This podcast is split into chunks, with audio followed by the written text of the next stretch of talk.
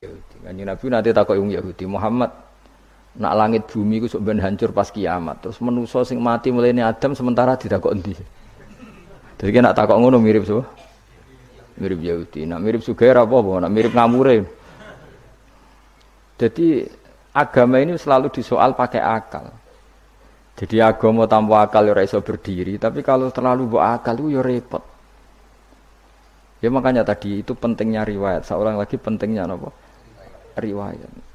Makanya coro Imam Malik itu gak suka sama agama di logika itu gak suka. Karena nanti orang yang punya logika terus merasa lebih punya otoritas terhadap apa agama.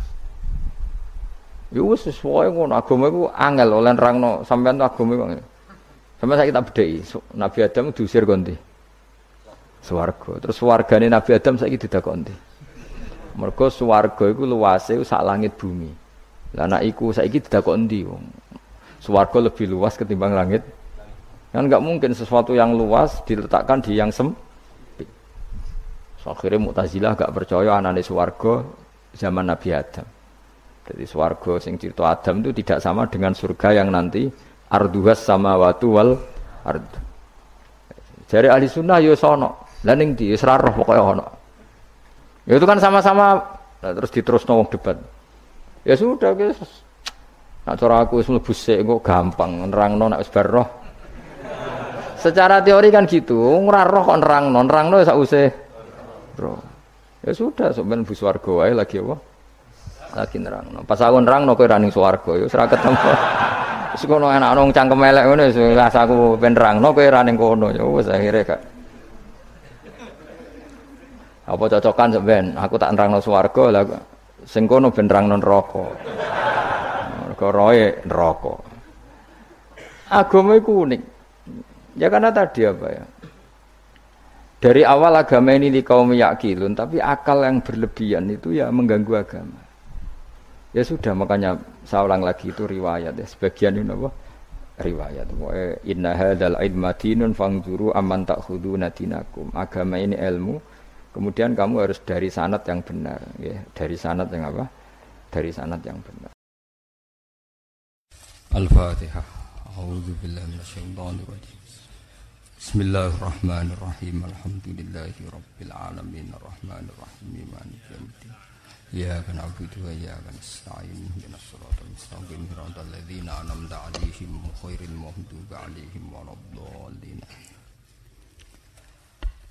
Bismillahirrahmanirrahim. Malaikat itu di apa? Malaikat itu kan yo yo dua pikiran. Terus iblis yo di pikiran. Sing podo-podo pikiran itu ya rontok bener iblis. Pikirannya itu ya. Tapi nurutnya bener malaikat. Jadi umpama agama kanut pikiran ya bener Iblis, mergo cara berpikir iblis itu Adam itu songko lemah, aku songko api, berarti keren aku. Nah cara pikirannya malaikat itu serah mikir, bombolyondi dikongkon yo mana. Jadi agama ini sanat, agama ini seorang lagi nopo sanat. Saja nih cara tauhid ya keberatan, aku no istilah betuwah ya keberatan. Betuwah maknanya omahe Allah itu takut. Allah manggon wirdi ning Ka'bah. Jadi kita harus ngikuti ulama. Dikatakan Baitullah itu nama penghormatan. Sesuatu itu mulia, maka disebut Baitullah. Bukan berarti Allah nempat di di situ. Mereka Allah tidak butuh nopo tempat. Jadi itu itu kan jelimet mang. Lagi-lagi yang tahu itu ulama. Masjid ya dikatakan Baitullah. Nah, misalnya iki masjidnya pangeran, malah nambah mana nih lucu masjidnya pangeran. Jadi iki tempat sujudnya pangeran. Nah, kacau kayak. Tapi berhubung wong ra paham alhamdulillah do mun iki masjidnya pangeran. Jajal mana nih bahasa Arab. Iki masjidnya pangeran, nih terjemah. Iki tempat kacau. Ini baru kayak bodoh do roh iku kacau. Jadi kacau. Yang melane anut ulama. Jadi darani baitullah apa dikatakan dalamnya Allah maknanya apa idhofatut tasyrif napa idhofatut tasrif manane omah sing mulia sampai diistilahno daleme Allah kalau dalam ngaji-ngaji ulama itu agama ini dari awal unik Allah melarang sujud kepada batu. Tapi kita sholat itu madep Ka'bah. Kemudian juga ada ada batu. Makanya kita harus menanamkan bahwa semua sujud itu lillahi ta'ala. Dan soal ada arah ya penting arah. Nggak mau arah madep segoro kidul lah repot. Jadi arah itu mau dipakai kesepakatan untuk menunjukkan kalau kita muslim arahnya sujud itu ke Ka'bah. Tapi tetap sujud kita hanya lillahi ta'alanya karena Allah. Kanjeng Nabi nanti takut yang Yahudi Muhammad nak langit bumi ku ben hancur pas kiamat. Terus menuso sing mati mulai Adam sementara tidak kok. Jadi nak takut ngono mirip so. Mirip Yahudi. Nak mirip Sugair apa apa? Nak mirip ngamure. Jadi agama ini selalu disoal pakai akal. Jadi agama tanpa akal ya iso berdiri, tapi kalau terlalu bawa akal itu ya repot. Ya makanya tadi itu pentingnya riwayat. Seorang lagi pentingnya apa? riwayat. Makanya coro Imam Malik itu gak suka sama agama di logika itu gak suka. Karena nanti orang yang punya logika terus merasa lebih punya otoritas terhadap apa agama. Ya wis sesuai ngono agama itu angel oleh nerangno sampean agama itu. Sampai saya kita bedai, Nabi Adam diusir konti. Swarga. Terus wargane Nabi Adam saiki didakoni. Mergo swarga iku luase sak langit bumi. Lah anak iku saiki didakok endi wong? Swarga lebih luas ketimbang langit. Kan nggak mungkin sesuatu yang luas diletakkan di yang sempit. So, akhirnya Mu'tazilah gak percaya anane swarga zaman Nabi Adam. Jadi swarga sing cerita Adam itu tidak sama dengan surga yang nanti arduhas sama watu wal ard. Jadi ahli sunnah yo sono. Lah ning di roh pokoknya ono. Ya itu kan sama-sama nah, terus diterus wong debat. Ya sudah guys. Nak cara aku wis mlebu sik gampang nerangno nak wis. Secara teori kan gitu, ora roh kok nerangno, nerangno ya usah roh. Ya sudah, sampean bu swarga wae lagi apa? Lagi nerangno. Pas aku nerangno kowe ra ning swarga ya ora ketemu. Wis kono enak nang cangkem elek ngono wis aku ben nerangno kowe ra ning kono ya wis akhire gak. Apa cocokan sampean? Aku tak nerangno swarga lah Sing kono ben nerangno neraka. Mergo roe neraka. Agama iku unik. Ya karena tadi apa ya? Dari awal agama ini di kaum yakilun, tapi akal yang berlebihan itu ya mengganggu agama. Ya sudah makanya saya ulang lagi itu riwayat ya. Sebagian ini apa? Riwayat. Inna hadal idmatinun fangzuru aman takhudu nadinakum. Agama ini ilmu, Kemudian kamu harus dari sanat yang benar, ya. Dari sanat yang apa? Dari sanat yang benar. Ya sudah seperti itu. Mana itu kulon setuju model kayak sholat sunat safar tidak harus madep kiblat terus. Jadi agama ini sudah unik. Misalnya gini ya, fardu kan wajib wajib kiblat, tapi ada sholat yang nggak usah madep kiblat, yaitu sunat safar. Misalnya orang di pesawat gini-gini. Karena guling-gilingan, nah, hakikatnya kiblat itu tidak fokus kita, fokus kita namun Allah Subhanahu wa taala. Jadi memang agama, tapi lagi-lagi itu butuh riwayat. Seorang lagi butuh butuh riwayat. Kalau nggak pakai riwayat terus kau Abu Nawas kabeh. Karena tadi Amerika, saya ulang lagi Amerika, itu kalau dibor pas New York itu, itu kena Ka'bah. Lah logikanya kalau arahnya pas itu kan bebas arah. Berarti uang Amerika oleh sholat bebas. Tidak bisa seperti itu ya tetap anut konsensus ulama sana atau tradisi sana kiblat itu ngambil arah mana karena dia pas ya bumi yang ada arah itu secara akal kan hanya rubuk seper empat makanya kalau kamu belajar falak itu ada rubuk. Lainnya itu sudah ada, ada arah. Misalnya bumi bulat bola yang sama atas dikatakan sama-sama di atas. Ya kadarnya hanya seper empat lainnya itu sudah dikatakan samping. Makanya seperti Denmark itu ada daerah yang siang itu sampai tiga bulan, entah berapa siklus sekian puluh tahun. Ada yang lebih lama siangnya, sampai 18 jam kalau di Eropa kadang puasa itu sampai 18 jam. Ada yang selalu nggak kena matahari kayak kutub utara, kutub selatan. Nah makanya kalau misalnya sholat itu ngikuti apa? Kalau ngikuti matahari orang kutub sholatnya hanya maghrib, isya, subuh. Gak wajib poso nggak tahu ono Rino misalnya. Ya tidak bisa seperti itu. Jadi kalau nuruti logika kan terus berdebat terus. Tapi kalau nuruti rasa, nuruti rasa sebagai hamba, orang kutub butuh sujud sama Allah, orang kutub butuh loyal sama Allah dengan memperlakukan puah, puasa. Ya sudah, akhirnya kita harus puasa. Nah, lalu kalau ukurannya matahari mereka tidak punya matahari, memangnya puasa itu penyebabnya wujudnya matahari apa penyebabnya loyalitas sama Allah Subhanahu wa taala? Loyalitas. Kalau penyebabnya matahari ya berarti kalau nggak ada matahari nggak usah apa? Tidak usah seperti itu cara berpikir, makanya ngikuti ulama. Karena ulama yang tahu tradisinya Allah dan Rasul. Ya seorang lagi ulama yang tahu tradisinya Allah dan Rasul. Meskipun ya kadang saya enak ide ulama. Mereka ya kadang ya mau kalau bolak-balik ngomong gak diterang nombek cangkem elek ora paham-paham. Makanya masyur itu ada kiai di debat sama orang untuk PKI. Pak Kiai, kalau setan dari api masuk api kan biasa. Terus susahnya apa? Mau materinya dari api itu. Kiai ku mek lemah, swawarna ini. Loro cung, gue sakit. Jadi uang kok lemah, kena lemah kok loro. Karena serak kena diterang no. Manusia materinya kan dari tanah berarti kena dipendem urip-uripan. Piye aja? Ya loro ya, lah ya jadi kok lemah kok dipendem neng lemah kok. Karena dijelaskan pakai lisan yang baik gak paham-paham. Sebenarnya kita ini ingin selalu baik, tapi ada orang-orang diterangkan cara baik-baik itu. Wah. Kayak misalnya ana wong kondo, Gus kula niku bojo kula cerewet ngene-ngene, apike kula pegat dicereweti bojo mbek diarani duda iku lara ndi? Oh lara diarani duda isen. Kowe payu rabi dicereweti, ambek ra payu rabi jomblo, sakit mana? Sakit distatuskan jomblo. Malah kena dicereweti sabar prestasi baru. Mesti uang itu diulak-walik. Lan jar sekolah tak malah ulang mbek Imam Syafi'i. Kowe dirasani wong ning ngarepmu, diomongi, ambek dirasani sereng di. Seneng dirasani cara kowe.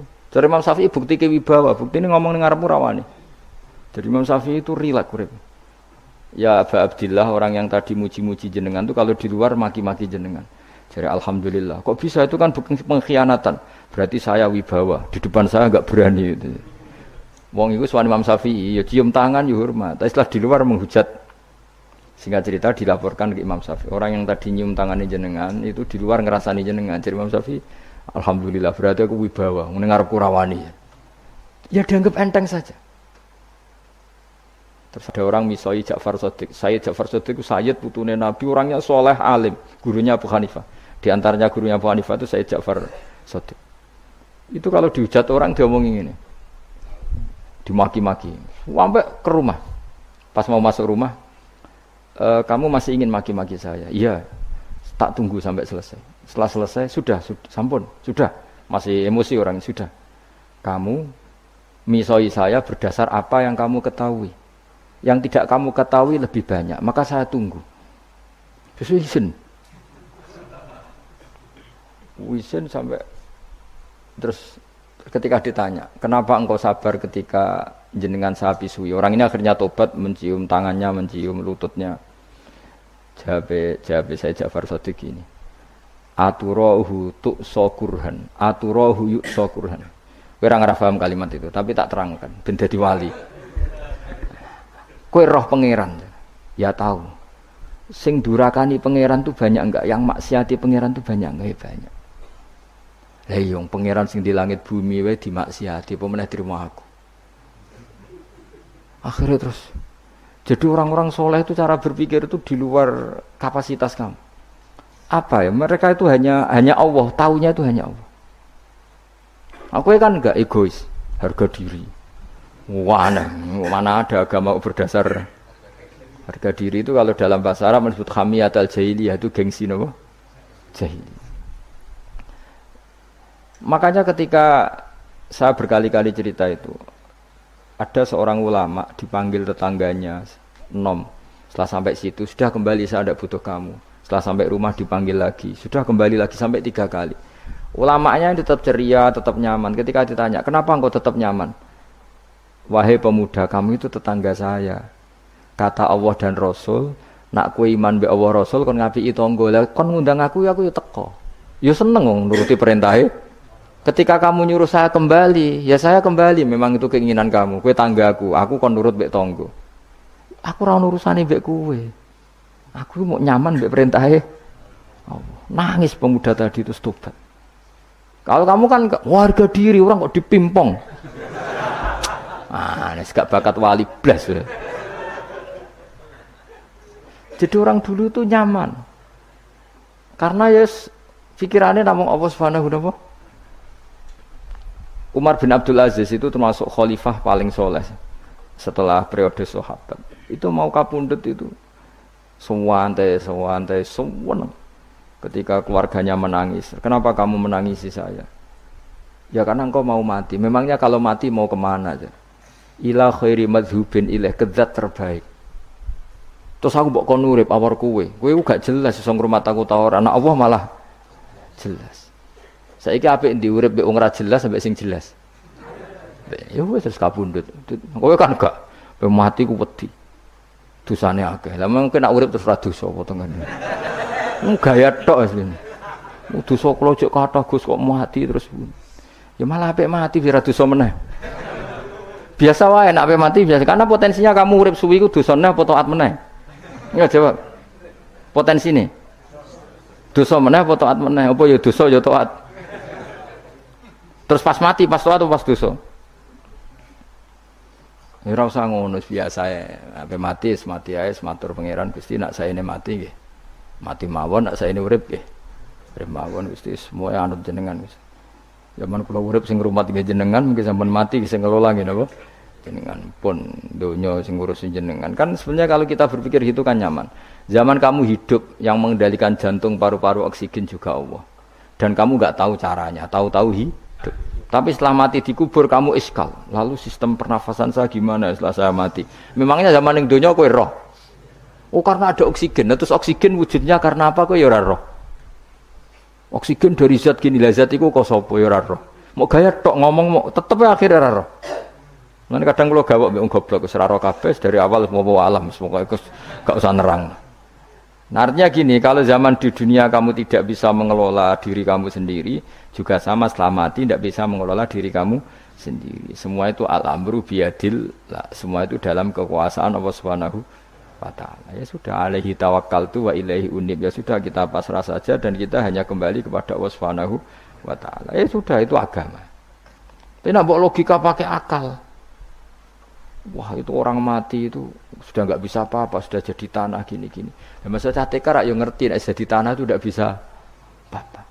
Tapi masalahnya kita ini dikendalikan oleh zat yang bisa mengelola semua. Yaitu Nabi Adam diciptakan juga dari tanah. Ya sudah hanya berdasar riwayat itu yang kita akhirnya meyakini setelah kita mati juga bisa hidup lagi. Tapi rasa khawatir, iblis itu ya iblis ya lemah. Nyatanya ya kue tetap ngaji jalalan. Berarti orang sukses menyesat, menyesatkan. Kodang di kue iblis. Ya kodang sampeyan, ra ngaji tetap ngaji. Tukon paham tetap ra paham. Berarti berarti iblis itu enggak keren loh. Ya, betul, saya setiap melihat orang sholat itu menyaksikan kekalahan apa? Iblis. Jadi iblis itu ya kalah kalah orang kok hebat ya orang biasa mawon ora usah sing hebat ya namung pangeran dari awal iblis wis menyerah ngadepi orang sing ikhlas ikhlas itu dimulai dari awal cara bahasa Inggris pokoknya hilir sampai hulu-hulu sampai hilir kudu ikhlas kabeh. Misalnya kita duit yakin nah itu wae Allah. Sehingga kita ketika ngasihkan orang itu kamu nggak merasa itu milik kamu. Sehingga nggak gampang undat selagi itu kamu benar keduanya awalnya salah itu masih mungkin tidak ikhlas. Uang ini milik saya, tak kasihkan kamu dengan ikhlas. Kalimat milik saya ini menjadikan suatu saat kamu jadi undat-undat karena milik saya. Tapi kalau ikhlasnya dari depan, uang ini milik Allah, ilmunya bahak milik Allah. Terus tak kasihkan kamu juga hambanya. Dari awal kan merasa lah saya tidak punya apa-apa. Tapi selagi saya ikhlasnya hanya separuh, ilmu saya tak kasihkan kamu karena Allah berarti masih potensi nggak ikhlas ya. Jadi kalau ngelatih ikhlas itu harus dua-duanya. Kamu punya uang milik Allah, punya ilmu milik Allah, punya jabatan milik Allah, kemudian kamu kasihkan sesuai perintah Allah. Itu lebih mudah ikhlas karena la haula wala quwata illa billah. Selagi masih separuh saja salah, itu potensi berikutnya juga ikut salah. Misalnya aku ngurmat cahaya yatim kok ikhlas, duitku tak kena. Kata duitku itu menjadikan suatu saat. Dulu tak rumat saya jebule lali aku. Tapi kalau Alhamdulillah saya pernah digerakkan Allah ngurmat cahaya yatim dengan milik Allah juga. Sehingga kita sekedar pernah melakukan ketaatan ini sen senang. Enggak penting berikutnya anak yatim ini nanti peduli kita apa enggak, enggak penting. Itu ikhlas ya. Ikhlas itu sesuatu yang semuanya lillahi taala ya dan inna solati wa nusuki wa ya wa mamati lillahi rabbil alamin. Masyur itu khilafnya ulama. Apakah malaikat itu termasuk umatnya kan Nabi Muhammad sallallahu alaihi wasallam? Ada ulama yang mengatakan cara pandang Nabi diutus itu untuk mensolehkan yang tidak soleh atau mensolehkan yang potensi tidak soleh. Kan orang itu ada dua, ada yang memang tidak soleh disolehkan, ada yang potensi tidak soleh. Sebetulnya sudah soleh tapi potensi juga tidak soleh, terus disolehkan. Nah malaikat ini kan tidak berpotensi maksiat, sehingga agak butuh nabi. Seorang lagi, malaikat itu kan nggak mungkin tidak soleh, selalu soleh, berarti nggak butuh nabi. Itu cara pikiran Imam Syuuti, sehingga dia mengatakan Quran itu memperingatkan semuanya kecuali malaikat, karena malaikat tanpa diperingatkan sudah sudah soleh. Tapi kata ulama yang lain tidak seperti itu. Malaikat tetap senang sebagai umatnya Rasulullah Shallallahu Alaihi Wasallam karena butuh status tasrif tasrif itu keren. Nanti takut itu melok kelompok isopo melok kelompok ikan Nabi Muhammad Shallallahu Alaihi Wasallam. Sehingga kalau nanti ditanya Allah miman anta? misalnya. Min ummati habibika Muhammad. Itu keren kayak termasuk umatnya kekasihmu Nabi Muhammad Shallallahu Alaihi Wasallam. Lalu kamu ngikuti apa? Yo min ahsani kitabik mengikuti kitab terbaikmu ya Allah. Sehingga mereka ikut umatnya Nabi bukan karena disolehkan tapi karena tasrif satu kehur kehormatan. Itu yang diikuti ulama e, tradisi kita ahli sunnah ngikuti yang pendapat itu. Ngikuti bahwa malaikat pun suka dikategorikan umatnya kanjeng Nabi Muhammad Shallallahu Alaihi Wasallam karena nambahi tasrif nambahi apa tasrif masyur itu itu Imam Suyuti dalam hal ini kita ngikuti ulama mayoritas, bukan ngikuti yang ini. Masyur kan Jibril ditanya, kan itu ketika Jibril ketemu Nabi Muhammad ditanya, untungnya apa kamu jadi safir? Safir kira-kira terjemahan bebasnya panitia saya. Jibril itu kan ya jauh dari langit turun bumi dari langit itu kan jauh. Terus kamu untungnya apa? Karena Jibril itu tahu betul peristiwa yang pernah dilakukan Allah. Yaitu kayak apa malaikat yang di langit bisa diusir karena kesalahan tertentu. Malaikat yang sok suci kayak siapa itu Harut Marut juga dihinakan seperti itu. Dan Jibril tahu betul Allah itu ya faluma ya Jadi yang sekarang malaikat bisa saja jadi pokoknya tahu betul Allah bisa melakukan apa saja. Karena Jibril tahu betul Allah karena dia ketua malaikat. Kan kita tahu misalnya ada sejarah siapa? Harut marut dari malaikat menjadi hina seperti itu. Terus Jibril akhirnya tanya, ya sudah Jibril punya apa terus ditanya Nabi, kamu untungnya apa setelah jadi safir saya, jadi panitia yang ngurusi wahyu. Terus kata malaikat Jibril, saya tidak pernah merasa aman. Apakah saya selalu dalam posisi ini, posisi terhormat, kecuali setelah menjadi safir, menjadi pelayan kamu ketika aku distatuskan oleh Allah apa itu? Innahu laqaulu rasulin karim dzi quwwatin indadil arsy makin mutain sama amin. Terus ganti. Fa amin tu ba'du. Baru setelah itu saya merasa aman. Bahwa posisi saya aman. Karena Quran itu abadi ila yaumil kiamah ila mala mi adalah pokoknya Quran itu abadi dan di Quran itu saya distatuskan mutain sama amin berarti saya merasa aman tidak akan dirubah kestatusan saya malaikat semenjak saya jadi safirmu. Intinya Jibril juga mendapat kehormatan karena ngitmai Quran. Paham ya? Makanya kita di sini mengatakan ini pendapat Imam Suyuti, tapi hampir semua ulama berpendapat apa? Malaikat pun ikut mendapat berkahnya kaji Nabi Muhammad Shallallahu Alaihi Wasallam. Jadi apa berkah tasrif, apa berkah apa? tasrif, jadi punya status kehur kehormatan. Nah, yang dikatakan Imam Suyuti itu murni logika. Murni logika tadi, yang namanya Quran itu memberi peringatan supaya enggak soleh menjadi soleh. Dan malaikat tidak butuh itu karena sudah selalu